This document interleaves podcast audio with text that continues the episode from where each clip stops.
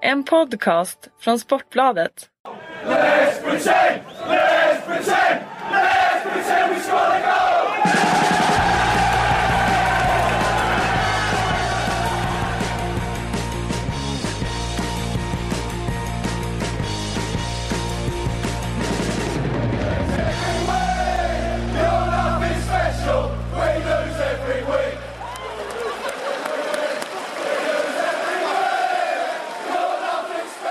det torsdag igen. Sportbladets Premier League-podd sammanträder här i vårt eh, brungråa lilla rum på Sportbladets redaktion. Du har inte Eh, gjort någon ljudtest idag Sik? Du, jag gör ljudtest när ni sitter och eh, pratar om annat. Ja okej, vad bra. Då hörs vi. för amatörer. Det hörs vi.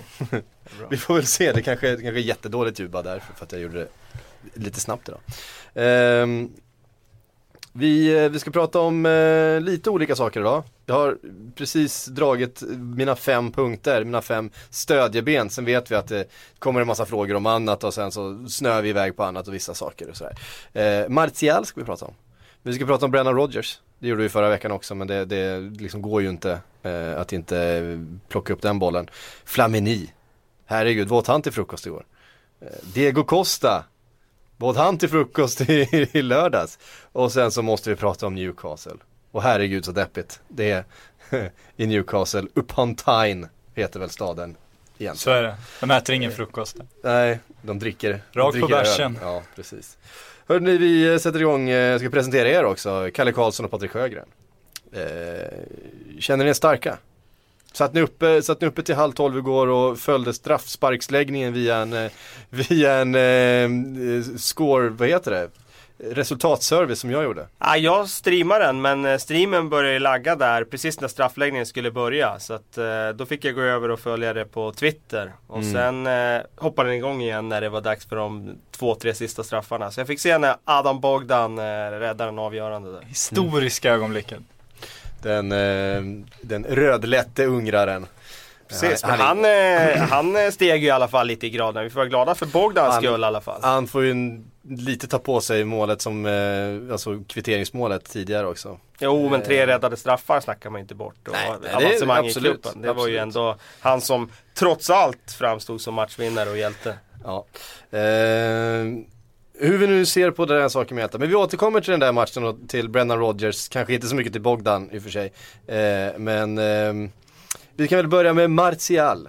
Martial. De bortkastade pengarna. Exakt. Den här sjuka affären som inte skulle resultera i någonting annat än en, än en Janusaj på bänken för 40 miljoner. Fast vem sa det egentligen? För Nej, så vi var sa det allihop. Det- Nej, så disku- var det, alltså det var inte att det var bortkastade pengar. Det var väl ingen som var inne på det. Det var väl snarare att det var absurt mycket pengar. Sen att det bortkastat är en helt annan sak. Det var väl ingen då som egentligen ifrågasatte hans Ingen, potential. ingen visste ju vad, vad man skulle få. Det var Nej, och det, det. därför var det ju svårt att ifrågasätta hans potential också. Alltså, det gick ju inte att kritisera att de värvade Martial. Det man kritiserade och som jag själv har kritiserat eh, är att de tog honom på för så mycket pengar på liksom, den allra sista dagen. I, alltså en 19-åring som gjort en säsong. Det var ju, Mm. Valencia det var tackade väl nej till honom?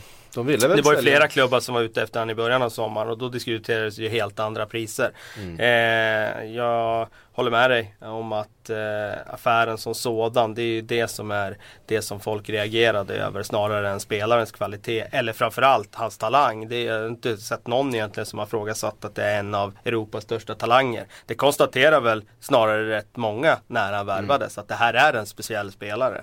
Men eh, det sättet som United har jobbat på i sommar där man inte haft någon röd tråd, där man har svingat hej vilt. Den här karusellen på spelare som bara slungats ut och så bara tagit in nytt ett år efter att man gjorde precis det. Det vill säga handlade, storshoppade och, och eh, liksom inte ha något tålamod, ingen liksom eh, filosofi man går efter, ingen liksom vett och sans. Men eh, liksom spelaren som sådan tror jag inte jag sett någon som egentligen har frågasatt att United värvar honom. Nej men det är precis som Balotelli-värvningen. Den kan man ju försvara trots att utgången för Liverpool blev så dålig. Samtidigt här kan man ju kritisera hur de gjorde när de värvade Martial, hur det gick tillväga och allting. Trots att utgången gått bra. Det är, man får ju ändå skilja på de två grejerna. Mm. Eh, om vi tittar på spelaren då. Eh, för att det är ju egentligen inte som, som eh, toppstriker han har spelat i, i Monaco. Det är liksom inte den spelartypen egentligen trodde man. Eh, men nu kommer han in och ser ut som, precis som han har jämförts då med Thierry Henry. Eh, med tanke på att de kommer från samma, samma pojklag och så vidare. Eh, men det är ju snarare de kvaliteterna som vi har fått se. Och det får man väl ge van Schals fingertoppskänsla lite, lite cred där. Ja absolut, samtidigt så det är ju precis det, den eh, alltså positionsutvecklingen eh, som Thierry Henry också gjorde. Han var ju ytter i Juventus och så kom han till England och, och blev striker och, och blomstrade under Det där brukar ju vara Arsene Wengers eh, grej att göra. Van Persie var väl också en ytter eh, när han kom till Arsenal. Kolo Touré var mittfältare och blev mittback i Arsenal. Och, ah, han har många sådana han har ändrat position för. Men eh, Eh, han var ju tänkt som winger, men jag tror att Uniteds eh, truppbygge som saknade en striker har gjort att han har fått spela eh, och fylla, i, fylla den luckan som fanns där framme och det har han gjort otroligt bra. Sen är det ju så med den snabbheten han har eh, kombinerat med den imponerande kylan han visar mm. upp när han får läget. Det betyder ju att han kommer ju göra mål. Mm. Eh, nu vet man ju inte om han går på rus här i början eh, och liksom har den där streaken som, som vissa anfallare hamnar i ibland. Att bollarna trillar in och sådär. Men alltså den eh, liksom, eh, lugna, behärskade liksom huvudet som en 19-åring kan ha när han kommer till ett nytt land med den här prislappen och bara avsluta på det här sättet som man gör. Det ser ut som att han inte har gjort annat när han får läget det får mig ju att tro att han kommer att göra fler mål. Sen eh, tror jag fortfarande att han kommer att vara ojämn under den här första säsongen. Det kommer att gå upp och det kommer att gå ner och det kommer att vara perioder där bollarna kanske inte eh, trillar in i samma takt. Men eh, hittills är det ju ett stort utropstecken och det är ju liksom bara för hans själv liksom med den här allt han kommer med in i den här eh, liksom eh, positionen i United där han ska fylla ut en så enormt stor kostym och det är enormt tryck på honom och United liksom med allt vad de har satsat och vad de vill vara för någonting, det vill säga en titelkandidat. Att då komma in och leverera så här, det ger ju honom ja, dels enorm credit men också arbetsro nu. Nu kan han ju gå ännu fler matcher utan att leverera, utan att det kommer några rubriker om att han eh, ja, var Kostar mycket. Ja, ja, precis. Men det blir spännande att se vad som kommer, för det kommer ju komma någon dal. Det kan man ju vara säker på, det gör det ju för alla. Framförallt i den åldern. Det blir spännande att se hur han hanterar det. För det, det enda man läst liksom som frågetecken efter värvningen är just humöret. Det var ju när han var på väg till Valencia så, så bråkade han ju med Monaco och liksom kom in i en match eh, och det var helt ointresserad, gjorde ingenting, gjorde likadant på träningen. Tränaren bytte in honom och bytte ut honom till och med. Så det har ju varit vissa frågetecken kring just hans psyke. Så det blir ju intressant att se om det börjar gå emot lite, vilket det förmodligen kommer göra, hur han tacklar det också. Vilket det gör för alla. Jag menar han är ja. 19 år gammal. Jag tror inte att vi har ett enda exempel på en 19-åring som inte har varit ojämn sett över en säsong. Det är liksom, det är eventuellt eh, Michael Owen som hade sina, sina bästa år. Sen blev han ojämn. Som blev ojämn där eh, vid 23 års ålder. Sen, blev, ja, sen blev han ojämn resten av karriären. Eller igen på en annan nivå. Ja, precis. Det var väl visserligen ja, precis. Är man ojämn över tid då blir man ju jämn på ja, lägre precis, nivå. precis. Eh, det var väl visserligen skador som gjorde honom eh, ojämn under de där åren. Eh, hur som helst, eh, ska vi, vi, vi, vi, kan väl vara lite sån här. Hur många mål gör Martial säsongen 2015-2016? Ge mig en siffra. Alla turneringar? Ja. 14. Mm, det är en bra siffra. Det är en jättebra siffra om man skulle göra 14 alla turneringar. Ja. 12 säger du. Så lägger mig lite lägre. Jag är neutral. Jag är, program, jag, jag är programledare. Gissa, jag kan gissa. Ja. Ja, men jag tror också han, eh, han skulle säkert kunna stoppa in några fler där. Framförallt eh, om man går långt, långt i de här kupperna. Det är det där, jag tänker. Ligacupen kommer... nästa gång är väl hemma tror jag mot Championship-motstånd. Om jag inte, ja Middlesbrough. Mm. Ehm, och sen blir det lite andra turneringar som kommer efter, efter nyår med FA-cupen. Det kan vara lätt motstånd där. Det kan trilla in några bollar. Mm. Han kommer spotta in några i ligan till, det är jag övertygad om. Absolut. Eh, och det ska spelas Champions League och, och så vidare. Så att eh, matcher kommer det bli. Eh, jag säger 15 då. För att jag är en, jag är en optimist av mig. Jag tycker, jag tycker om mycket mål. Eh, Det var Martial det. Eh, United enkelt vidare från eh, ligacupspremiären. Ja, vi kan ju nämna Andreas Pereira där då. Eh, Ja. Belgaren som eh, fick eh, spela igår och skruvade in en alldeles briljant frispark. Han eh, eh, beskrivs ju som eh, ytterligare en sån där ny belgisk supertalang och eh, kanske strået vassare då än eh, Janusaj. Vi får väl se om man kan eh, göra det som Janusaj inte har lyckats med, det vill säga etablera sig över tid. Belgien, alltså ett land med ungefär samma befolkning som Sverige va? Titta på talangutvecklingen de senaste åren. Eh, Viss skillnad, viss skillnad. Viss skillnad. Den här killen är ju brass, ha- brassebelgare. Ja, jo men brass, brassesvenskar brassesvenskar också. också. Ja, Precis. Ehm, men det är en helt annan, eh, det är en helt annan eh, punkt, den ska vi inte diskutera nu. För att nu ska vi gå till en lokal rival som hade lite kämpigare att ta sig vidare från sin första omgång i eh, ligacupen. Eh, Liverpool som eh, till slut på straffar eh, Eh, lyckades slå ut League 2-laget Carlisle på hemmaplan. Och man gör det med spelare som Coutinho, eh, Firmino, James Milner, Emre Can, Danny Ings på, på plan. Eh, och då ska man lägga till att Carlisle är alltså laget i hela det engelska seriesystemet som har släppt in flest mål den här säsongen. Eh, och man eh, lyckas egentligen inte få till mycket mer än en hel hög med långskott. Vad, vad, det är liksom, Nej, men det det har är sådär- helt och hållet slutat funka nu. Nej, det är ju sån här moralhöjande seger. We showed a bit of character in the end. Vad var det han sa till och med, Precis. eh, som, eh, nej men det är ju sånt som ger en sving framåt för hela klubben och går vidare i kuppen och sådär. Eller att- menar du något annat? Jag hoppas att ironin här går igenom mikrofonerna och ut i era hörlurar.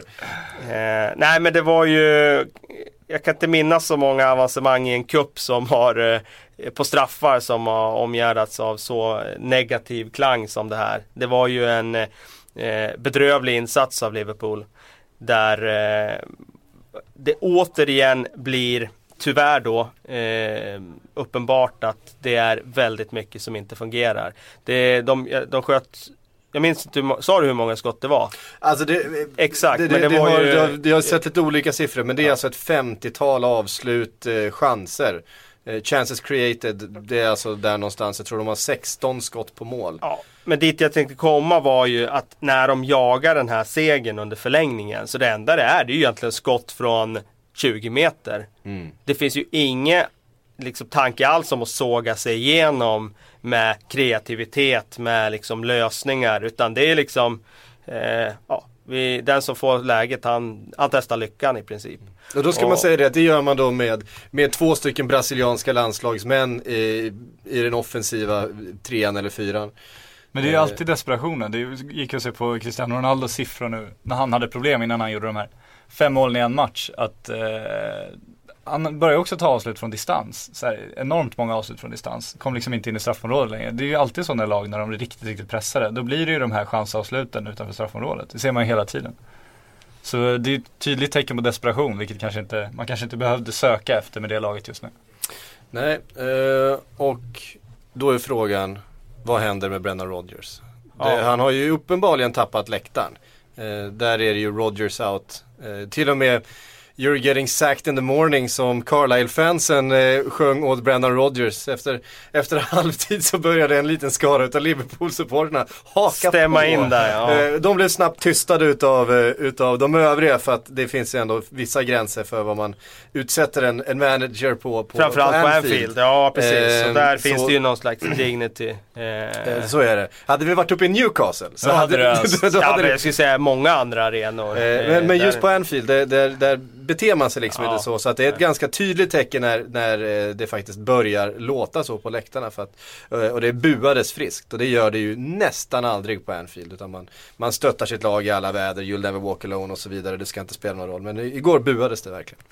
Ja, även i Eh. media är det igång nu. Alltså de turas ju om nu de engelska tidningarna om att hitta kandidater och diskutera och det pratas om att Rodgers har Alltså faktiskt är på väg ut. Det var någon tidning som skrev att de kontaktat Ancelotti. Jag såg att Sky Sports dementerade att Ancelotti var kontaktad. Men bara att det liksom rullar igång det här visar ju att Då är det svårt att ta sig ur det. Då blir Ja. det lite av en Eh, alltså en ond cirkel. Alltså det är klart att spelarna också märker av det här. De kanske tappar lite av det här eh, förtroendet för sin manager när alla andra ifrågasätter honom. När fansen gör det, när tidningarna gör det, när experter i TV gör det. Eh, och då blir det ju ännu svårare för Rogers att få gehör för, sin, eh, för sina idéer. Och då, då är man farligt ute. Jag tror tyvärr då att eh, det här inte kommer sluta på något annat sätt än att han får gå. När han väl får gå vet jag inte riktigt. I fjol lyckades han ju vända trenden på ett imponerande sätt. Och det någonstans har hos mig fått mig att tro att han är kapabel att vända eh, negativa trender. Att han är kapabel att vara den som börjar ösa ur skeppet när det börjar liksom, ta in vatten. Och, och, ehm, så, säger... och därför hade jag större eh, förtroendekapital för Rogers än vad jag hade haft för en manager som inte har löst en kris förut. Eh, men men Känslan just nu är ha... ju tyvärr att han har tappat Han skapar ju eh. de här kriserna själv också. Jag menar, det är ju en sak att man kan lösa en kris men att man konstant eh, varenda säsong i stort sett skapar de här kriserna för sig själv. Eh, alltså, man ska komma ihåg att även under säsongen 13-14 när Liverpool slutade tvåa efter framförallt en helt fantastisk vår så började ju säsongen ganska skakigt.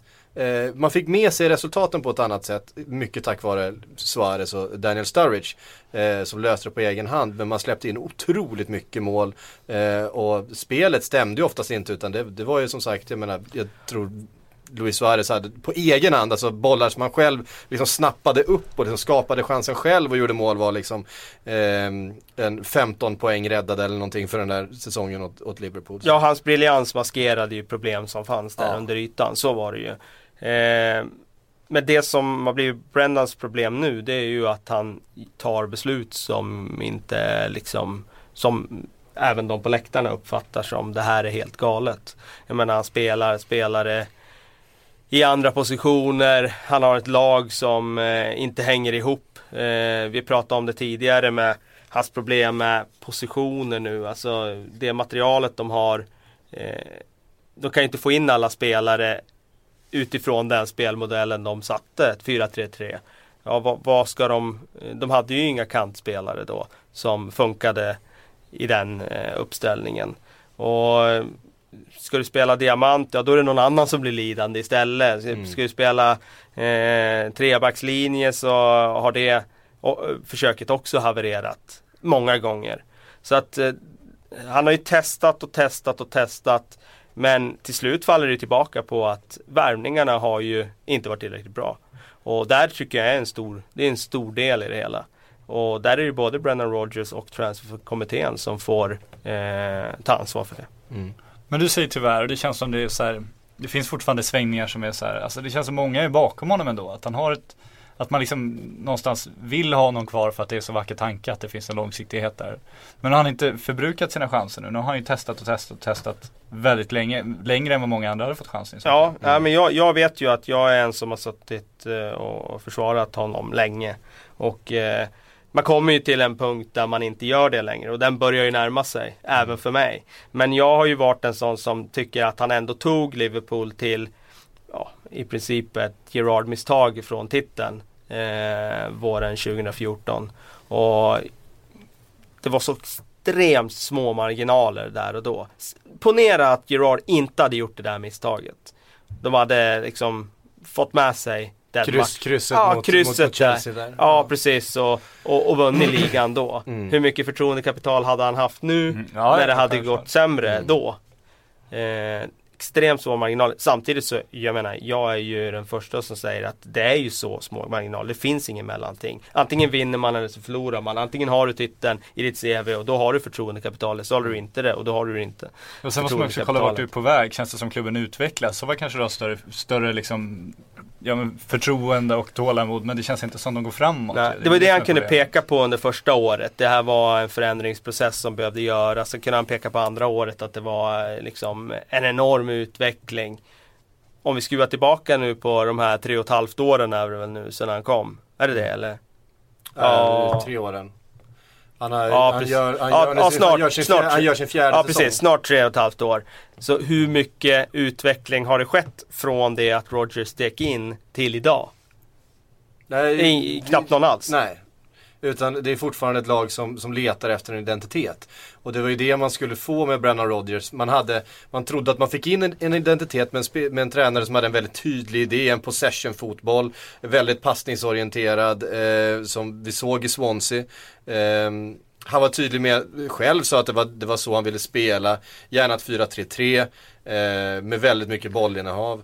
Så provade han det en säsong, det funkade inte. Sen, den säsongen det gick väldigt bra, eh, då var det ju ett rent kontringslag. Ja, det var det. Det, liksom, det var inte alls eh, ett lag som var intresserad av att hålla boll och spela trianglar. Nej. Eh, och sen när det inte funkade säsongen efter, aha, då trevade man, då fick han igång ett en trebackslinje som blev väldigt defensivt solid, men man gjorde väldigt få mål. Eh, man höll ju otroligt många nollor där under den här perioden när man tog de där elva raka segrarna. Eh, och Mignolet som kanske, är- som ju inte är någon av ligans bästa målvakter var väl där och, och, och, hade flest nollor av alla målvakter till slut. Eh, med undantag av någon. Men om vi tar Så, det så då. att det, är- det, är liksom så här, det är liksom olika identiteter hela tiden. Ehm, och det var ju det man inte ville ha. Man ville ha en identitet. Man, vill, man ville liksom få en, en, eh, ett Liverpool som spelade på speci speciellt sätt. Att, att alla visste det. Men det där är intressant, för om du säger nu possession, eh, fotboll och sådär och eh, man ville ha en identitet. Om, om Liverpool hade fortsatt spela possession fotboll, som uppenbarligen inte fungerar under hans första säsong, Mm. eh, det är vi överens om. Mm. Eh, tror du att resultatet hade varit bättre då om man hade byggt vidare på det? Jag tycker inte att de har spelarmaterial, inte har haft spelarmaterialet under de här åren med Brendan för att spela den fotbollen. Och då är det ju och då plockar de in eh, en Joe Allen som kanske är en sån spelare som passar Mm. i den filosofin. Men var han tillräckligt bra? Svaret är ju förmodligen nej då. Nej, han är inte tillräckligt bra för att spela eh, för att vara den som syr ihop det spelet i en klubb som Liverpool. Eh, han kanske är tillräckligt bra för att göra det i Swansea som inte har den här eh, pressen på sig att vi måste göra det varje match. Men eh, i Liverpool så har det inte funnits mittfältare som är tillräckligt bra för att spela den fotbollen. Och de har haft en allround Gerard under de här åren som såklart inte har gjort det enklare. Sen är inte Gerard den typen av spelare heller. Han har inte varit någon possession mittfältare på det sättet.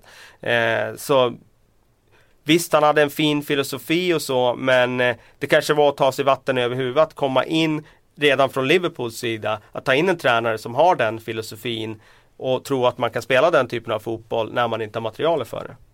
Men vem ska in då? För innan man sparkar någon borde man ju se så att man kan få något som är bättre. Nu pratas det om Ancelotti och Jürgen Klopp men det känns ju som rena tidningsankor. Det känns ju inte som Mm. de kliver in i ett Liverpool i det här läget och Nej. det känns inte som de kliver in i ett Liverpool överhuvudtaget. Men vad finns det för någon som liksom kan gå in nu? Sammy Lee. Nej men alltså, pff, jag, jag, jag vet inte. Tactics Alltså. Ja, exakt. Ta honom. Eh, nej men... Eh, David, David Moyes ser ju ut att vara ja, till, det. tillgänglig här. Där det lider. Ja den vore fin. eh, nej men eh, skämt åsido. Man har ju den där eh, romantiska eh, bilden av att Jürgen Klopp skulle vara intresserad av ett långsiktigt projekt. Mm. Bygga upp en klubb med en gedigen fanskara och sunda värderingar och så vidare. Men jag tror inte att han eh, hoppar på det här nu. Jag skulle bli väldigt förvånad om han gjorde det. Eh, det skulle vara imponerande på ett sätt om man gjorde det. Men det är ju som att sätta sig i katapultstolen. Alltså, det är ju eh, idag hoppa på Liverpool. Eh, Jag kan inte se något namn sådär, alltså nu snackar vi bra namn. Som bara wow, det här hoppar jag på. Dalglish alltså. Nej, jag, jag vet ju vem jag, alltså för jag tror inte heller att det är realistiskt överhuvudtaget med varken Klopp eller Ancelotti. Sen vet man ju aldrig vad som händer. Eh, eh, så man ska, inte, man ska inte sitta här och döma ut saker, det det är ju ert jobb. Eh, som pandits. Eh, men den som, jag som Liverpool-supporter här skulle jag se, det är ju Jamie Carragher. Jag, och jag skulle, jag, skulle, jag skulle personligen köpa att det inte blir Champions League-spel på några säsonger. Jag är inte så här Alltså jag har följt det här laget i 25 år liksom. Det, en säsong är inte liksom hela världen. Eh, men Jamie Carragher skulle kunna komma in. Han skulle få eh, tid, han skulle, liksom, han skulle ge det tillbaks det här som, som jag saknar med Liverpool just nu. Och det är någon, en fucking scouser på plan liksom. Det skulle i alla fall ha en, en i, i, eh, på linjen Mm. som faktiskt kan försvara de värderingarna och, och stå upp för de värderingarna som, som Liverpool har och som faktiskt tar läktaren ner på planen. Det, Det- sa, det saknar jag. jag Jamie Carragher, jag tror att eh, eh, ja, Det som är problemet Romantiken i mig Ja, vill, vill jag honom. förstår, jag förstår det. Jag menar, när du säger det så, så jag menar, jag, jag, jag skulle också vilja ha honom där. Mm. Eh, det som är problemet ska jag säga, det är, det är på ett annat plan. Det är att Thierry Henry har fått ett sånt jävla bra kontrakt i Sky Sport värt 50 miljoner per år. Och eftersom han är sju resor sämre än Jamie Carragher där så tror jag att Carragher kan förhandla till sig en ännu bättre lön Ja. när han skriver nytt kontrakt med Sky Sports här. Och jag tror att de tycker det är så jävla mycket skönare att sitta i den stolen än att hoppa in i det här jobbet som är så otroligt krävande, pressande och ehm, liksom skulle du, det, finns ju den där undersökningen som har gjorts på liksom eh, italienska fotbollsspelare i Serie A om eh, hur mår de egentligen? Proffsspelare i fotboll. De har allting som vi andra dödliga egentligen vill ha. Det vill säga eh, de får spela fotboll, de får massa pengar för det, de får all uppskattning och eh, så vidare. Men de visar ju att den där undersökningen visar att de är inte så himla lyckliga egentligen. Jag skulle göra samma liksom, undersökning på tränarna eh, i Premier League. Hur lyckliga är de egentligen? Jag tror inte att de är så himla lyckliga. Så det är så otrolig press. Och då sitta i Sky Sports och bli liksom som han blir då hyllad för det. Ganska bekvämt jobb skulle jag säga jämfört med att bara hoppa rakt in i den här cirkusen som är ett 24-7 jobb. Där du helt och hållet eh, liksom får försaka familj och allt annat för att göra det. Men det är väl som jag såg en sån video som var så lite sorglig kändes den. Det var en, la ut en video på Laurent Blanc, tränare i PSG, när han eh, väntade på att spelarna skulle komma ut i träningen.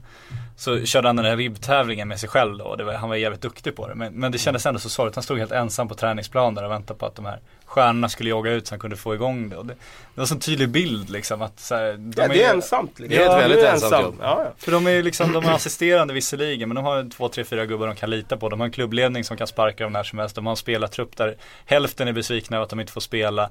Alltså du, du står ju verkligen själv när det blåser. Ja, absolut. Nej, för det, eh, av någon anledning så får jag för mig att Jamie Carragher, tror jag, eh, någon gång i sitt liv är beredd att ta den risken. Han, han, eh, Ja, han han, förlora- han brinner så mycket för den här föreningen och för, för det här laget och, och för den där staden som, som han, är, han älskar att representera det. Eh, och det har han förklarat så många gånger så jag tror att, ehm, och sen tror jag faktiskt han skulle kunna vara en hyfsad manager. Man har ju ingen aning, det är liksom inte nästa Pep Guardiola, det tror jag inte.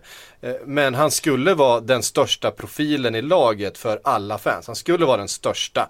För det är ju inte Brennan Rodgers, inte i närheten. Nu är det väl kanske Coutinho eller, eh, eller någon annan. Det är väldigt oklart vem det skulle vara nu. Men skulle Jamie Carragher vara där, då skulle han vara den största profilen eh, i, den, i det laget. Och men det, det också- tror jag någonstans behövs. Ja och skillnaden är alltså om Klopp skulle hoppa på nu då är det ett väldigt otacksamt läge. Men om Carragher hoppar på nu då är det egentligen ett ganska tacksamt läge. Ja, Ja. i hans fall är det Ja, det. för om han misslyckas gör ingenting. Nej. Det var, det var ett dåligt läge Ja, liksom. ja. Eh, så är det ju. Men som sagt, eh, jag tror inte att de kommer få honom nu. Men eh, jag tror absolut det är möjligt i framtiden. Och jag menar en tränarduo med Carragher Gerard, det är väl, eh, eh, alltså det vore väl eh, fantastiskt för Liverpool i framtiden. Men jag, eh, jag tror inte vi kommer få se det nu. Nej. Eh, Även om det skulle vara jävligt kittlande att ha honom där. Det skulle det. det är, som sagt, romantiken i mig är, är villig att vaska, vaska en, eh, en ganska stor del poäng per säsong eh, för att få se det. Eh, helt klart. Normally, being a little extra might be a bit much, but not when it comes to healthcare. That's why United Healthcare's Health Protector Guard fixed indemnity insurance plans, underwritten by Golden Rule Insurance Company, supplement your primary plan so you manage out of pocket costs. Learn more at uh1.com. Flamini hörni. Vad Ja. va, vad pysslade han med igår? Ja, han dunkar in volleyskott i derbyt och, mot nyper, Tottenham. och nyper returer. Där såg ni Ja, men ett klassavslut rakt upp i taket också. Riktigt Ja. forwardsavslut. Ja. ja, men man är så här, det var som att, liksom. Ja, Ja, men det exakt var så. som Det att- var de vibbarna. det var som att hela, hela arenan bara reste sig upp och, och mitt i jublet är de så här, va? Vad, fan, vad gjorde han där? Och sen fick han ju, sen fick han ju eh, blodad tand. Så han, han löpte ju på varenda, på varenda retur sen under hela matchen. Jogga hattrick. Han gick, ja, han gick i djupled och liksom eh, testade offside-linjen och eh, sådär. Jag, jag kan inte minnas att jag någonsin har sett eh, Flamini på det här sättet i en Nej, inte fotbollsmatch. så offensiv som han var nu. Men det var väl eh, kanske mm, som en Följden av att Mikael Arteta spelar där, han är ju inte så Mm. mobil utan när han spelar där så sitter han ju framför backlinjen och Han rör sig inte så mycket mer. Eh, och jag tycker det har varit ett problem förut i Arsenal att eh, nu under säsongen att Cazorla han har otroligt många förtjänster. Alltså han styr det där mittfältet på ett fantastiskt sätt och jag vill absolut ha honom på plan. Men med han och Coquelin så blir det ju två sittande mittfältare som inte kan gå iväg, som inte kan fylla på. Och eh, här ser man ju vad en, liksom en andra och sen en tredje våg kan betyda om man kommer fram i de lägena. Och ja, nu liksom när Flamini gör två mål så är det väl det yttersta beviset på det. Mm. Det trodde jag aldrig vi skulle få se. Eh, framförallt inte i ett derby mot Tottenham. Men, eh, Nej, undrens det, tid är inte förbi. Det man kände när, när, liksom, när Flamini och Arteta spelade är ju att det här känns ju inte så offensivt. Eh, men fel fick vi. Flamini går in och gör två mål. Ja, volleyn går inte att snacka bort. Den Nej, är, den är, det, det är den klass. är fin. Ja, det är riktig klass. Ja. Det är ganska eh. hög den där bollen när den kommer så att eh, ja. Och få träff på den på det där sättet, det är bra gjort. Ja, den var inne det är många skyttekungar som hade varit stolta över det målet. Ja, ja. men den var inne hela vägen. Från att den, från att den nuddade foten så var det mål. Ehm, eh, London-derbyt i övrigt då? Eh, Arsenal-supportrar rev, rev halva White Hart Lane efteråt. Ja, det var inte så snyggt gjort och det, det lär väl bli en del efterspel kring det. Nej, men jag tyckte även... Tottenham tyckte jag inte gjorde någon dålig match egentligen. Jag tycker de tar över där efter kvitteringen och sådär. Och jag tycker att de styr matchen. Sen eh, andra halvlek så blir det ju en ganska tacksam eh, Arsenal liksom matchbild där de får eh, ligga och kontra lite grann. Och de har ju bra speed där framme, det är ingen tvekan om det. Framförallt när Sanchez spelar. Så, och Flamini. Så, så, och Flamini. Eh, och som, ja, Eh, så jag, jag, tycker inte Tottenham ska vara för nedslagna heller av att klar, självklart, jag menar de åker ut mot värsta rivalen så men det var ingen dålig insats som gör att eh, man börjar, börjar tvivla på Spurs så i, eh, i det större perspektivet. Hur mycket frustration läser ni in i Harry Kanes spel? Jo men det blir ju så. Alltså är anfallare och inte gör mål så är det ju klart att eh, nu har det satt sig i huvudet på honom och det börjar gå troll i det. Men det som är positivt fortfarande som jag verkligen framhålla när det gäller Kane den här säsongen hittills det är att han tar sig till chanserna. Han gör ju så mycket rätt fortfarande. Eh, och nu har han inte satt dit bollen. Men bollen studsar inte in. Nej, och så man kommer ju sådana där perioder som anfallare och jag tror vi sa inför den här mm. säsongen när alla frågar kommer Harry Kane göra en ny sån där säsong? Nej, jag tror aldrig att han kommer göra en sån där säsong som han gjorde där bollarna bara studsar in på det sättet som de gjorde i fjol. Han hade marginalerna med sig och då, är man inne i det där flytet, den där mm. framgångsvågen. Där allt man tar vi, vi blir till guld i princip. Eh, det tror jag inte han får det flowet igen. Däremot tror jag att, han, att målen kommer börja trilla in igen. Men mer som resultat av att han är en bra forward än mm. något annat. Ja, för jag tyckte man såg, det var framförallt ett läge i första halvlek var det väl, när eh, det är ett inlägg som skarvas över Chambers så han får den på fötterna Bortre ytan ja. Ja på bortre mm. ytan och, och, och, kan egentligen slå den på ett tillslag. Ja, jag ska bara nypa till ja, där. precis, men ta, där, du vet, man märker att att det, det är någonting. Han. Ja men en, ta klivet in i Det blir en liten blockering i honom där att fan nu har jag läget liksom och sen så Och nu kommer han inte ens till avslut. Nej och så hinner Chambers dit. Ja. Ehm, tror jag, jag tror att det var Chambers. Ehm, och blockerar och sen så får han vända upp och så får han spela iväg bollen istället. Ehm, och sen får han väl ett läge till direkt på, på hörnan som blir efter det där. När den dimper ner på fötterna på honom och han eh, Ja, det ser lite frustrerat ut men det där kommer förstås släppa. Men jag håller med dig om att han ser eh, eh, han är ju inblandad i stort sett allt offensivt som, som Spurs har. Men om jag ska säga något positivt nu då om Tottenham. Det är ju att Christian Eriksen är tillbaka nu mm. efter en längre skadefrånvaro. Jong Min Son har ju kommit in och bidragit. Han gjorde ju ingen liksom, bra insats igår. Så. Men eh, han, man ser ju att han har dimensioner som Spurs behöver. Den här energin och löpningarna och liksom, det händer ju saker kring honom. Då tänker jag mest på den matchen han gjorde i ligan i helgen. Eh, men kombinationen då med att få in Eriksen och Son Eh, tror jag kommer att betyda mycket för Kane också framöver. Han känns som en speltyp som är väldigt tacksam för Tottenham också. Han, han, han accepterar att vara ute på kanten. Alltså han gillar ju att vara ute på kanten och är målfarlig därifrån. Så man kan ha kvar en, en Harry Kane på sin position och samtidigt få in mer spets och mer, mer mål i laget eh, från en kant. Eh. Det är väl bra för dem om de delar upp det. Det är väl nästan bra för dem om Kane inte gör en sån där säsong om och om igen på ett sätt. För då skulle de aldrig få behålla honom. Så Bästa för dem är om de får en nyttig anfallare i Kane som gör lagom många mål varje år. Som inte blir en, en Barcelona-spelare utan faktiskt en Tottenham-spelare. Så får Son fylla på med de andra.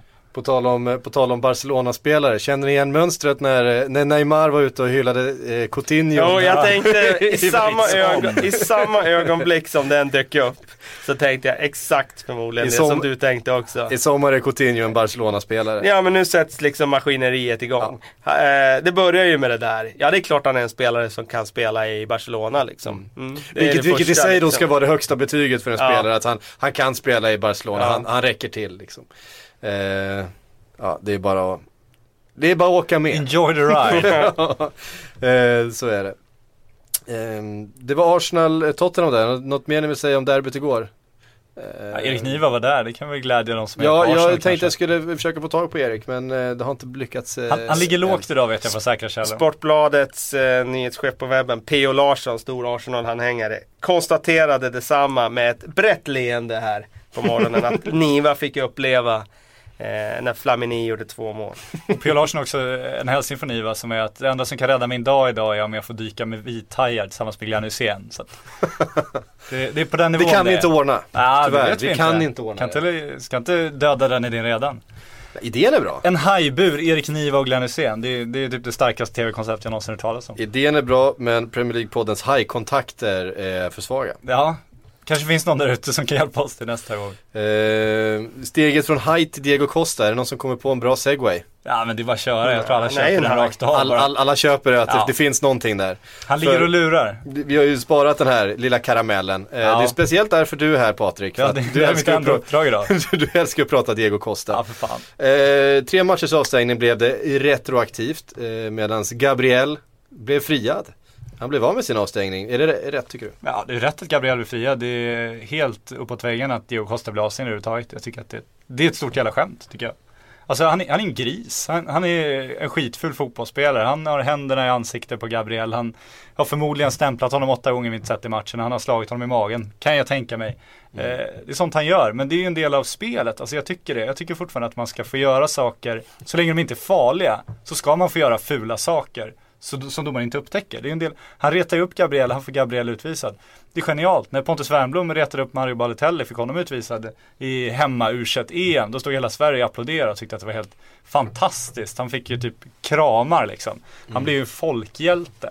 Men eh, det, det behövs sådana grisar. Jag tycker, jag ser inga som helst problem med det. Man, man, man kommer tycka illa om Diego Costa. Jag tycker också illa om Diego Costa. Jag skulle hata honom fantastiskt mycket om jag mötte honom på fotbollsplan. Men fan, klaga inte på spelaren liksom. Du får klaga på spelet. Det, jag tycker inte man ska straffas där efterhand. Men du, tyck, du gillar inte efterhandsbestraffning alls? Om, om du spelar farligt, då ska du efterhandsbestraffas. Det tycker jag. Om du liksom förstör matchen till viss del, då kan man väl tycka det också. Men det här är det här är ju fair game tycker jag. Så länge domaren inte upptäcker. Det handlar ju om att lura spelet. Om du trycker en arm i ansiktet på någon och viftar till liksom med armen i ansiktet på någon. Ja, den det- där den var ju snudd på farlig. Men det är ju inte specifikt den de dömt för vad jag har sett. Ja men det är den jag tycker de ska döma för. Ja, det nu de vet jag inte om det är den de har dömt för. för. Tre matcher för den.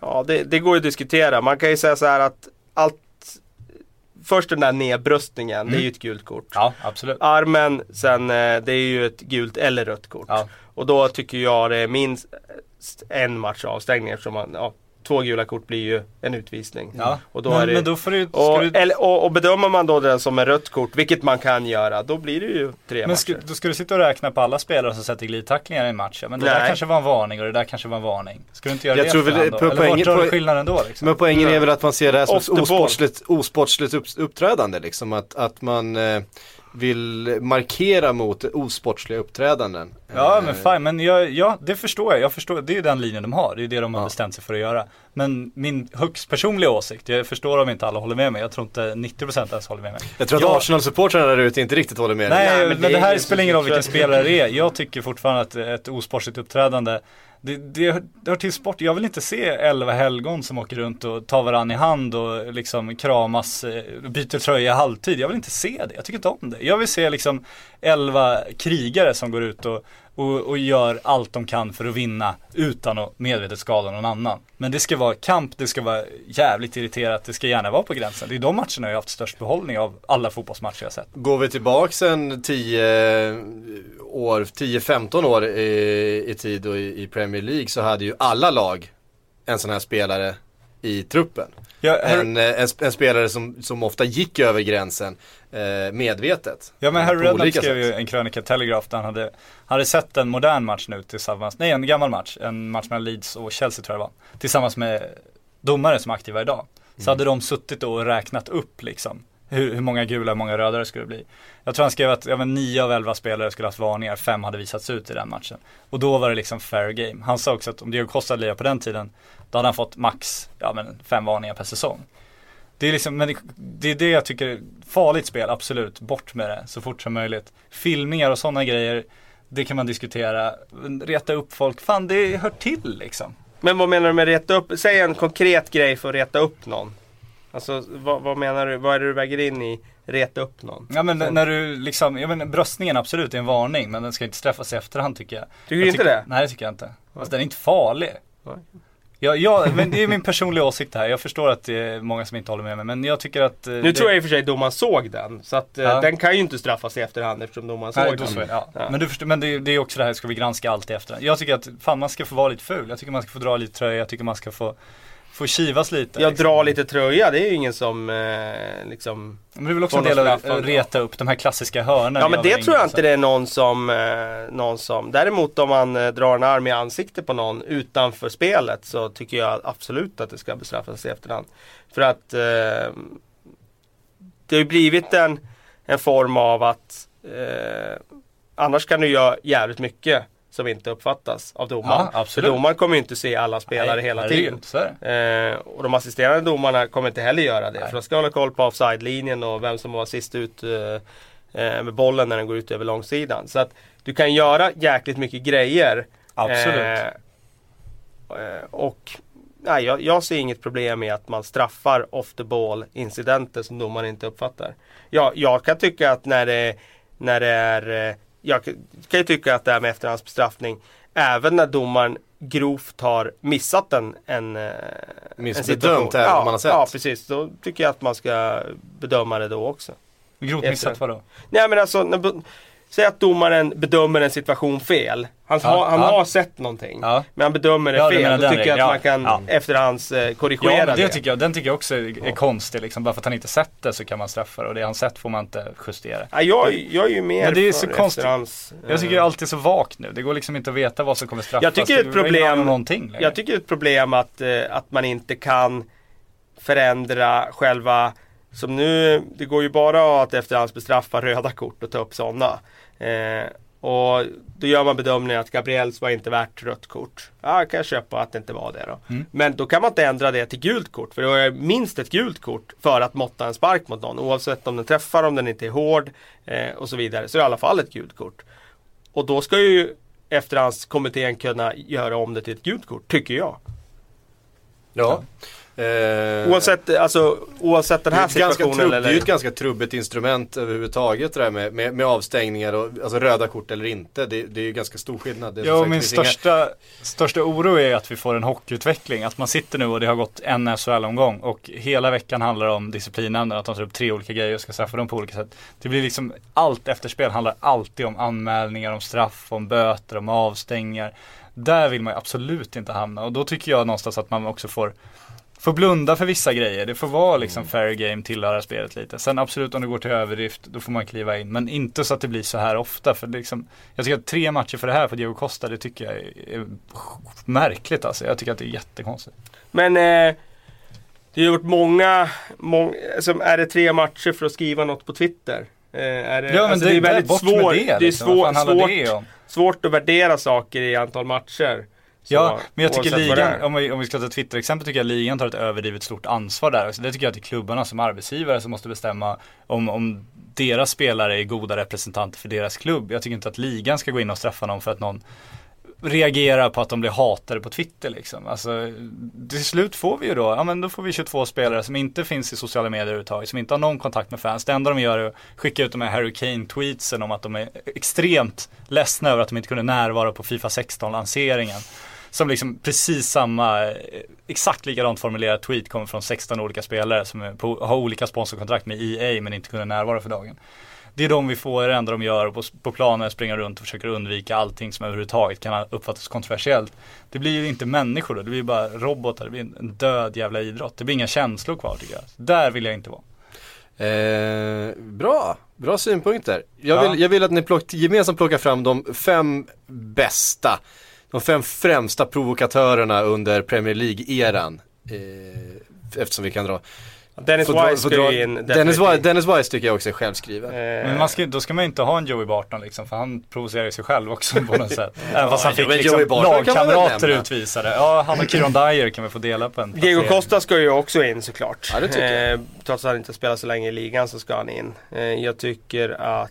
Eh, Duncan Ferguson, nej. inte som provokatör. Nej, mer som hardman. Så. David Ja. Seaman bara för hästsvansen. Den provocerar. Eh, nej men han Michael Brown som spelar i, i Fulham. Mm. Eh, han var ju en riktig retsticka Mm. alltså. Eh, Absolut. Var han. Vad är vi uppe i nu?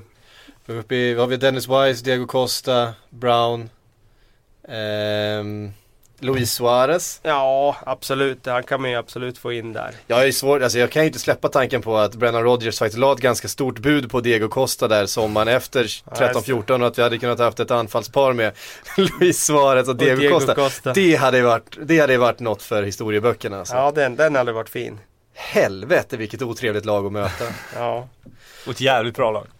och förstås väldigt bra. Mycket mål hade det blivit. ja oerhört bra. Ja men ta Men bort vi har, vi har vi fulheten fyra då? Har inte mycket kvar. Har vi, har vi fyra då? Ehm, alltså Roy Keane, Viera, Men vad, sa du retsticka var rubriken? ja, provo, provo, Provokatör. provokatör på plan. Ja, provokatör var han ju Roy Keane. Det var han ju. Han pratade ju hela tiden. Det, Snackar ju redan i spelargången. ja, ja, ja. Det handlar ju om att, men det var ju inte så mycket att provocera, det var ju mest att hota folk. Ja, exakt. Det är ju en prov, sorts provokation det också att säga att du ska, veta, du ska veta att första gången du rör bollen så, så ryker dina benpipor. Eh, och man kan ju inte vara helt säker på att han inte, att han inte Nej, hittade han på. menar det förmodligen om han hade lyckats på det. Ja. Som eh, Manchester United-supportrarnas eh, förtret till trots gick ut och hyllade tacklingen på eh, Jag vet inte om eh, han hyllar den, men han sa väl att han... It's a brilliant challenge sa Så, han. sa han det? Ja, ja, visst. Pratar vi Shaw nu eller? Ja, Ja. precis. It's a brilliant challenge sa han om, eh, om tacklingen. Ja. Som, Kanske att ta i men. Nej, det, Eh. det Brilliant Challenge. Han, eh, det är en enorm satsning. Men det jag, jag sa, jag tror jag blev missuppfattad eh, när det gäller det. Vi snackade väl om den? Var det i Mm. Ja, Premier ju League-podden? förra- Ja, precis. förra det var i den här podden veckan. vi snackade. Man, svårt att blanda ihop alla ställen man snackar nu för tiden. Eh, Så jävla stor kan nu. vara på gatan Så också. jävla stor. Ja, kan vara på över lunchen också. Ja, Eh, nej men eh, jag, jag tycker inte att det är någon eh, tackling som man får straff för. Mm. Men jag tycker, han hade ju fått frispark. Eh, men vissa uppfattar det som att jag sa att det inte ens var värt frispark. Jag tycker att det var värt frispark. Mm. Men man får inte straff för det. Eh, och det bevisades ju av att han fick inte straff för det. nej. Men det är ju klassiska, alltså Ja, är du- konsekvensen av tacklingen kan, tacklingen kan inte bedömas utifrån konsekvensen, det måste bedömas utifrån tacklingen. Ja och alltså, när du är först på boll i straffområdet så får du Mm. sällan eh, resultatet att det blir straffspark. nej. Även att det var vårdslöst. Ja, du får sällan straff för det. Nej. Men du får ju frispark för det. Mm. Ehm, och eh, man of the match blev han. Ja, det, Ja, det hade de kanske vi, kunnat det, var, undvika. det, det var vi inne på förra veckan också. Ehm, svårt att hitta en man of the match i Newcastle. Ja, det kan man påstå. K- kämpigt mäklar Det är kämpigt just nu. kämpigt. eh, åkte ut mot Sheffield Wednesday igår efter en Vart kul att ha Jönsson med bedrövlig- här nu. Ja, herregud, får ringa in honom. Jag, jag pratade med honom lite igår inför den matchen eh, och han, eh, eh, han kokade ju redan då. Han är ju en, eh, en, en människa som ganska lätt kokar. Ja, det kan man säga. när det ggäller Newcastle. Ehm, Ja, men nu skriker ju alla på nyförvärv vilket ju är spännande eftersom de spenderar väl femte mest i Premier League redan i somras. Att, eh, näst högst nettospend tror jag. Ja, så kanske det var. Men det är också spännande att de då valde Mitrovic före Charlie Austin. Det kan man ju Ja. känna. Mm, den är var, var intressant. lite intressant. Samtidigt är det ju där också intressant, för jag menar nu värvade ju Newcastle-spelare som var unga, Ja. lovande, eh, liksom bra potential. eh, Som Mitrovic. Mm. För många hyllar ju den värvningen inför säsongen. Jag skulle säga, jag har inte sett han tillräckligt mycket så jag sa varken hit eller dit när det gäller honom. På tal, på tal om Eh, idioter. på tal om idioter. Ja. Men ehm, Men det handlar inte om att Så att det blir väldigt mycket här att eh, många vänder kappan nu. Eh, många var ju nöjda med Newcastles Ja, ja. värvningar inför den här säsongen. Wijnaldum, Tavan, Ja. Mitrovic och, och så vidare. Men eh, det är bara att konstatera att hittills har ju ingen av dem eh, imponerat. Mbemba gjorde väl det inledningsvis. Men eh, jag tycker inte han har eh, imponerat nu på slutet. Och Wijnaldum har ju tappat väldigt mycket sen debutmatcherna han gjorde där. När han nickade Ja. in en, eh, ett väldigt fint mål och var framträdande. Så att eh, Ja, det, det, det, Men då är ju det- Obertan suttit på bänken också. ja, han spelade nu. Eh, Han spelade väl igår? då, Han spelar förstås. nu Ja. i ligacupen och det gjorde ju Tavern också. Och Tavern har ju, alltså Florian Tavern som de plockar från Marseille, han har ju Ja. varit katastrof hittills. Eh, en Men han- supertalang från ligan och jag menar Hade du ställt Tavern mot Payet inför säsongen Så hade ju många som följer ligan sagt att ja, det, alltså Tavern har, har potential att bli en Payet. Fast, fast Marseille gjorde ju allt de kunde för att bli av med Tove. De, de nobbade ju ett bud från Tottenham var det i vintras, då ville de ha honom kvar. Så under våren var han ju en katastrof. Han har ju varit helt omöjlig att ha att göra med. De gjorde, de, det var ju redan typ i mars att de så här var desperata för att verkligen lasta iväg honom. Och så där håller jag inte riktigt med dig. Jag, jag ifrågasatte den värvningen direkt. Jag tyckte det var eh, en riktig jävla chansning. Sen tycker jag svårigheten med Newcastle är absolut de värvar ungt och utvecklingsbart och sådär. Men, men eh, filosofin är ju inte att de ska utvecklas och vara unga och leda Newcastle i tio år. Utan filosofin är att Mike Ashley ska få dubbla sina pengar för dem. Det är ju det det går ut på. Han gör ju rent ekonomiska värvningar. Det är därför han inte vill värva etablerade spelare som Charlie Austin. För att han vet att han kommer inte få igen de pengarna. Så han, han har, gör ju en ekonomisk affär. Det är det han jobbar med. Han håller ju på och göra allt han kan nu för att få tillbaka så mycket pengar han bara kan från Newcastle innan han förmodligen säljer den klubben och, och satsar på Glasgow Rangers fullt ut. Vilket han inte får göra så länge han har Newcastle. Så det är ju bara ekonomiska grejer. Därför tycker jag att det hade varit så enkelt i somras att bara ta Charlie Austin. De hade möjligheten. Det var en kille som de visste skulle kunna han skulle väl inte vinna Premier League skytteliga för Newcastle kan man ju inte garantera. Men han skulle leverera mål. Istället chansar de Mitrovic för att Mike Ashley hoppas få igen pengar. Men det sägs ju där med Charlie Austin att anledningen till att klubbarna tvekar är att han har en knäskada. Ja. Som gör att de Och tvekar. en- Och, och det, det där en vet hög ju inte prislapp. vi. En hög prislapp såklart. Eh, och det där vet ju inte vi. Jag menar, säg att eh, en klubb värvar honom och så skadar han knät efter tre veckor. Då skulle vi sitta här och garva och säga Men- vad fan. men vänder vi kollar de inte upp den här skadan som andra klubbar tvekar på. Men vänder vi på det så tvekar ju alla klubbar på Demba Ba också för att han hade en knäskada Mm. och där går Newcastle in och chansar och Så att det är absolut, Ja, finns nej, det det- två sidor på det där. Det är risktagande, alltid. Men jag ser ändå risken, Charlie Austins knä ser jag som en mindre risk än Mitrovic eh, lynne liksom. Mm, jo. Framförallt nu med facit i hand, att säga det men Ja det är ju så. Vi har ju alltid facit i hand här och då är det enkelt. Jävligt Men bekvämt, Vi hoppas ju att, eh, att Mitrovic kan få ordning på sitt huvud där och... Ja det finns ju potential i grabben. Det finns potential i Tavern också men det är jobbigare det där med, med märkliga huvuden och Newcastle. Det brukar sällan vara i Newcastle de lugnar ner sig Ja, liksom. nej, det, så är det ju. Det är, inte, det, är, det, är, det är inte stan för, eh, för vad heter det, ro och Nej det är ingen eh, spa-anläggning eftertanke. det där Nej. inte, det är det ju inte. Det är betong, hård arbetarklass och Sen är det ju intressant humör, tycker jag liksom. att en sån som Sheikh TUT som ändå har varit en bärande spelare i Newcastle i många år och som för ett antal år sedan kopplades ihop med stora klubbar inte längre är given i startelvan. Och jag menar, det har säkert att göra med att han inte är tillräckligt bra. Såklart, det brukar vara den enkla förklaringen. Men att han, liksom som ändå, man ändå ser som en bärande spelare, viktig bit i, i, i det där pusslet. Att han inte ens är en liksom startspelare längre. Eh, inte är given på det där centrala mittfältet. Det är ju, det är ju också en annan, en annan del som eh, där man ser liksom att klubben har problem. Colocini gjorde en supermatch på Old Trafford men han har ju inte varit något bra efter det. Och det är ju också ett problem. Då har de problem med det där mittförsvaret igen. Mm. Så att eh, det är eh, det är problem i försvaret, det är problem på mittfältet, det är problem där framme. Och det går inte att byta tränare för det har de redan gjort. Det har de redan gjort och McLaren tyckte jag framstod som ett liksom vettigt val. Inget Mm. populistiskt val utan rutinerad, sansad man, eh, duktig tränare. För det eh, tycker jag nog ändå att man kan konstatera att han har, var, har varit och är fortfarande eh, framgångsrik i Middlesbrough. Eh, framgångsrik i andra länder. Eh, Eredivisie till exempel. Eh, men eh, det kommer ju blåsa enormt kring McLaren här framöver. Mm. Han är, det känns som han och Rogers och Dick Advocat, det är väl de tre egentligen som sitter mest löst nu. Ja. Ehm, löser Newcastle det eller, eller blir det så att de, får, de, de får leva med en säsong i, i, eh, i bottenstriden. Jag tror att de kommer få leva med en säsong eh, i bottenstriden. Eh, om det inte händer något i januari så.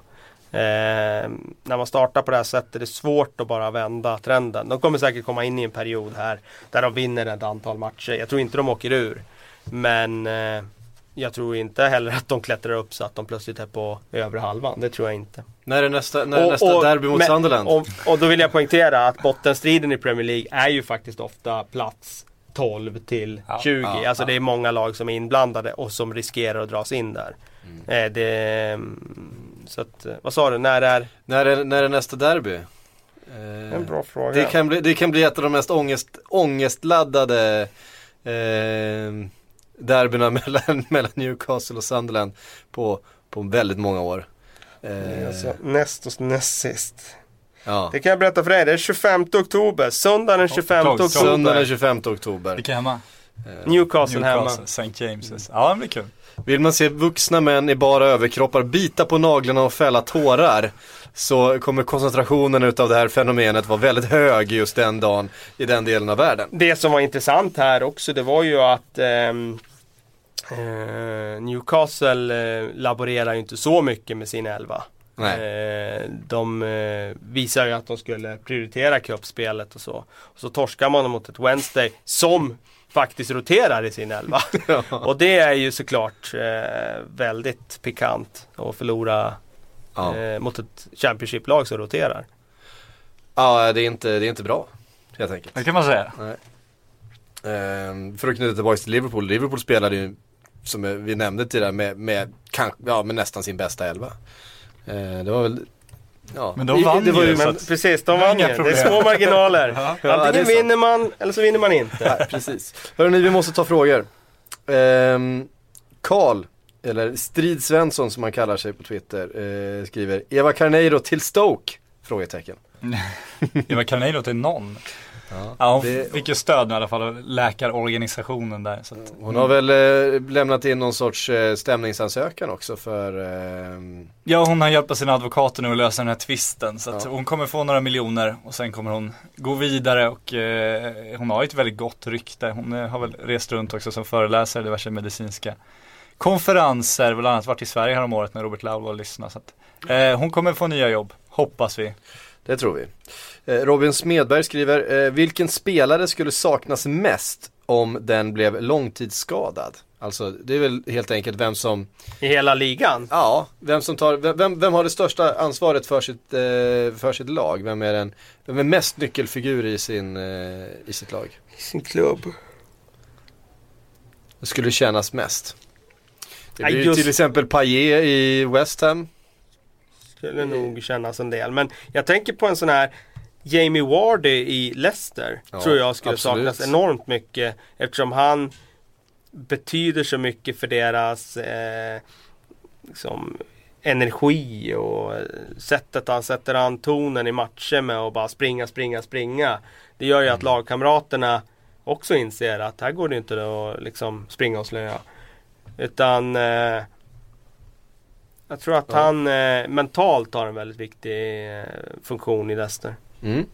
Eh, det var ju ett svar. Ross Barkley, Everton. Känns som att han är deras, eh, det är deras anfallsstrategi nu för tiden.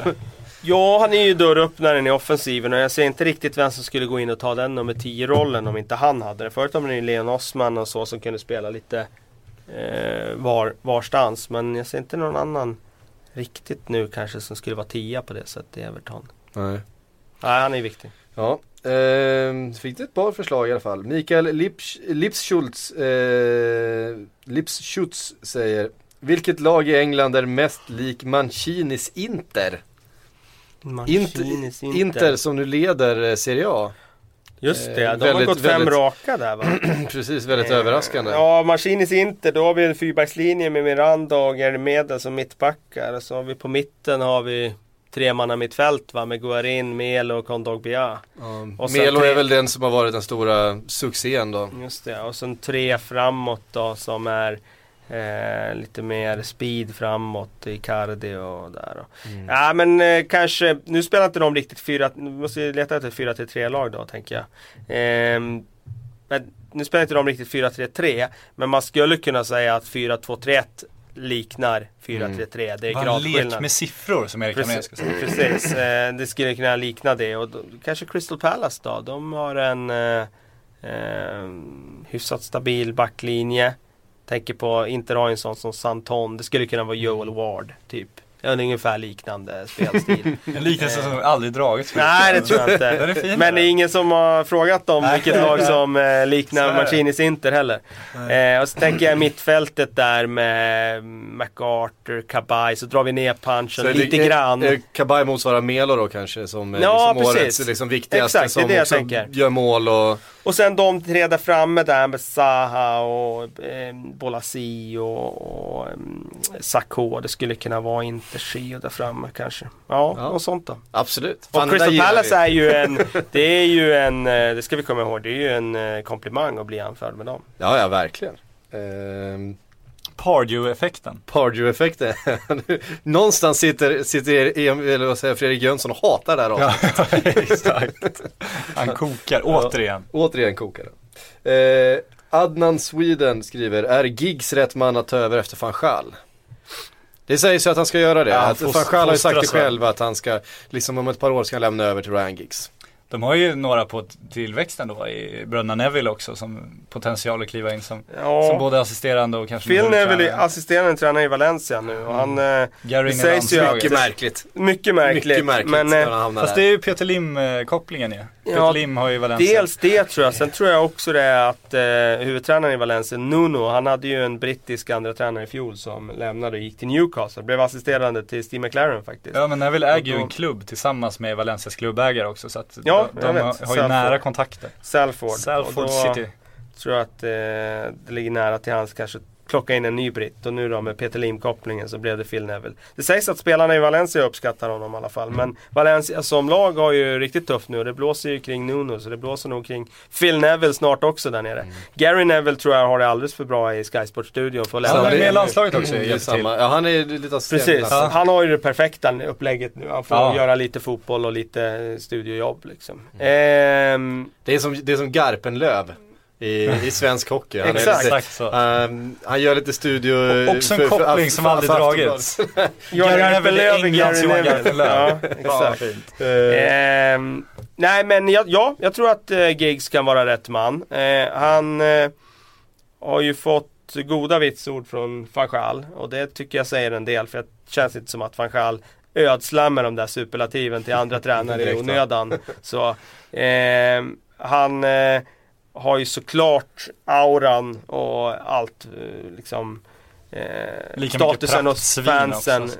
statusen hos fansen för att kliva in i, sätta sig på den stolen. Så att jag tror absolut han kan vara rätt man några år framåt. ehm, Och van Gaal skrev treårskontrakt va? Han tänker väl att han kör det här tre år kontraktet då så Så blir det gigsen. Det Skulle är väl kunna- så han har sagt själv. Skulle kunna bli Gigsen, skulle kunna bli någon annan, eh, alltså typ Guardiola om han blir ledig. Men Mm. annars tror jag nog mycket väl att Giggs kan få det. Vem... ehm, eh, nu ska vi se här. Guardiola Eh, blir ju ledig kan man väl också säga. Så att han stannar inte längre sådär, bang. Nej, det tror inte jag heller. Ehm, Jonas eh, Deichmann eh, skriver, är Watford ligans bästa kontringslag? Nej, det tycker jag inte att de är. Inte det bästa. Men jag tycker att de... Eh, han, han har en... Jag förstår varför han ställer frågan. Eh, de har starka spelare där framme och... Eh, alltså Igalo framförallt tycker jag. Och jag menar Dini, Jurado som kreativ och... Eh, ja, det, jag kan se varför han eh, ställer frågan. Men jag tycker inte han är det bästa. Igalo gjorde två, två mål i helgen va? Ja, det gjorde han Eh, nog. Mot Newcastle. Ja, det var nog två. Eh, tidigt i matchen där. Var det Ja. jag har inte sett matchen. Nej, det var inte kontringsmål på det sättet. Eh, det var det inte. Men eh, alltså Gallo tycker jag ser ut som bara en eh, komplett bra forward. Eh, Inte liksom någon utpräglad kontringsspelare. Men han är ju snabb och stark. Och när de dessutom har Dini och de har en Jurado som kan sätta den där sista avgörande passningen. Så eh, de är farliga när de, när de får ställa om, det är ingen tvekan om det. Mm. Eh, Jonte Tengvall, eh, han har ofta med frågan nästan varje vecka tror jag. Eh, skriver, vem plockar upp Adebayor? Känns precis som den spelartyp som fattas i Arsenal. Eh, jag tror att han, han, han, eh, han skämtar lite där när han säger detta. Eh, visserligen behöver väl Arsenal en striker, men nu har man ju Flamini så att Det är lugnt. Ja det, ja, det till De Newcastle det för fan. Newcastle. För fan, nej jag skojar bara. Det Jag tror vore inte att det är det de behöver riktigt. Den vore fin. Ytterligare en bra karaktär. Exakt så. Få ihop gänget. Precis. Ja nej, det blir väl första klubb med ri- riktig jävla desperation som kommer hugga där. Så. Jag tror inte det blir i England. Nej det känns tveksamt. Turkiet. Men jag tror nästan det. Alltså han, eh, han har gjort sitt i England nu. Eh, de andra klubbarna ser ju att Tottenham inte ens vill ha honom Mm. liksom i, i Europa League-truppen och inte ens i Premier League-truppen. Då ställer de sig nog frågan om, om de ska ha honom.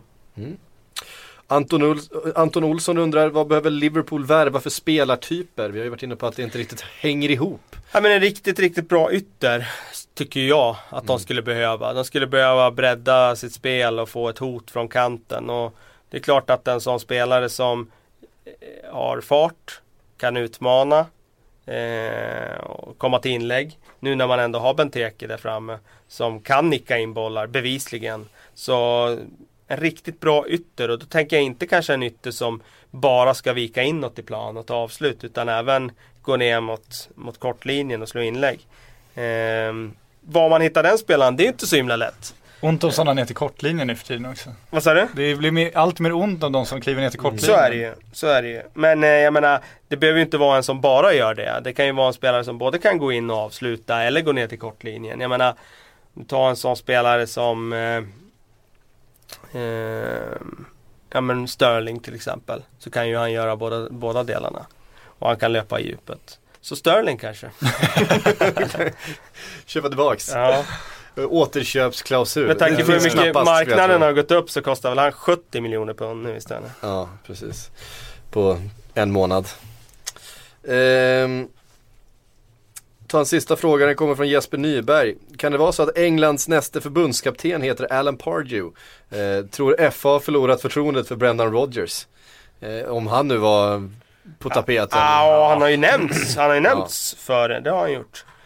Eh, ja, jag såg också att det var någon som spekulerade i det där med Pardew. Det, man kan ju konstatera så här, det går väldigt, väldigt fort i svängarna. Och, eh, det, som är, alltså. det som är på Ja. tapeten det ena året det är eh, raserat nästa år och då är det något annat namn som var totalt iskallt då seglat upp. Så att eh, jag tror inte att det blir Alan Pardew. Eh, Han var väl så. Englands mest hånade fotbollstränare för liksom några månader sedan. Svänger det snabbt som du säger, när han kom hem sin trygga miljö fick han ordning på det. Men, Så nej, jag tror inte det blir han men eh, det är inte så att det finns massor av namn som bara bubblar upp direkt sådär som ersättare. Eh, men jag hade ju tyckt det var spännande om England hade hittat eh, sin manager utomlands. Igen. De testade ju Ja. en gång med en svensk. Precis. Och med italienare. och, och med italienare. Med italienare också. Billiga alternativ. Ja, de kostar nästan ingenting de där Mm, två. eller hur, det är lugnt. FA-pengar. FA-pengar, så är det. Eh, Sven spelar för äran. Nej men bara Diego Costas bötesbelopp den kommande säsongen kommer ju vara halva, halva förbundskaptenens lön. Så att, inga problem det. Eh, så är det. Hörrni, jag har inte tittat på vad det är för matcher i helgen. Det är eh, mycket trevliga matcher i helgen. Tottenham-Manchester City, den tidiga matchen på lördagen där. Just det. Nu är det tyvärr två omgångar kvar i vår serie så jag får ta den i repris. Precis som förra helgen fick jag ta Arsenal-Chelsea i repris där. Sen har vi Leicester-Arsenal, vi har Liverpool-Aston Villa, Manchester United-Sunderland, Southampton-Swansea, Stoke-Bournemouth, West Ham-Norwich, Nu kommer den, nu kommer den. Newcastle-Chelsea. Det är den sena lördagsmatchen. Det är ju bra. Det blir en riktig ångestmatch Den är där. trevlig. Den är väldigt, väldigt trevlig. Eh, på lördagskvällen. Ja. Mycket trevligt tycker jag. Känns, och, sen har känns, vi, känns, känns som en 0-0 match. och sen har vi söndags, Nej, Newcastle spelar aldrig noll. söndagsmatch Watford Crystal Palace. Och måndagsmatch West Bromwich mot Everton. Där har vi omgången. Där har vi omgången. Eh, jag ser mest fram emot Newcastle mot Chelsea. Ja, samma här. No shit. Ja, ja men Ja, alltså är fin, alltså. herregud. Det är, det är ju ångest i Chelsea också. Man har ingen, Nu har man ingen Diego Costa som är avstängd. Och, ehm, ja, han måste väl ha eh, förbrukat den avstängningen nu då i kuppen Vem? Eh, Costa. Eh, mot, eh, igår mötte de, eh, vilka det nu var, What? Walsall va? Walsall var det ja. ja. Eh, precis. Eh, det var en match och så blir det en match mot eh, Newcastle nu då. Mm. Det går ganska fort. Ja det är, ju det är inte sista avstängningen han kommer ta heller. Nu har de ögonen på honom. Så att, och han kommer ju spela så här. Det är så här han spelar. Det är så här han alltid har spelat. Så att, jag tror inte att han kommer kunna slipa bort Jag, det tips, här. jag, har tipsat, liksom. jag har tipsat om det så många gånger men kolla upp YouTube-klippet när han, eh, när han snyter sig i handen och, Ja. och, och kastar det i ansiktet på Sergio Ramos. Eh, två gånger eh, i samma sekvens. Good times. Eh, fräsch Men det, men det ska man inte bli straffad för enligt Patrik Det Sjögren. fanns gränser sa jag också för osportsligt uppträdande. Det finns gränser för det också. Precis på en hörna, slänger det i ansiktet. Det är, väl- det är Ah, rent hälsofarligt det där. Så att, Ja, nej men eh, jag vill inte, i, inte hockey-Sverige. Det är det sista jag vill ha. Det, Ja. det, det är mitt slutord i den här Det får, bli, det får bli slutord, inget hockey i Sverige. Eh, även om vi lyckades eh, pilla in Johan Garpenlöv i en eh, liknelse med Gary Första och, Neville. sista, Gary första och sista gången han fungerade skulle i Premier League. på. Ja, det vet man aldrig. Han var i och för sig en stor spelare för San Jose Sharks en gång i Ja, tiden. för fan. Ja, visst är det så. Inte fotboll för er som missade det. Hörrni, vi hörs om en vecka igen. Tack Kalle, tack Patrik för att ni kom. Puss!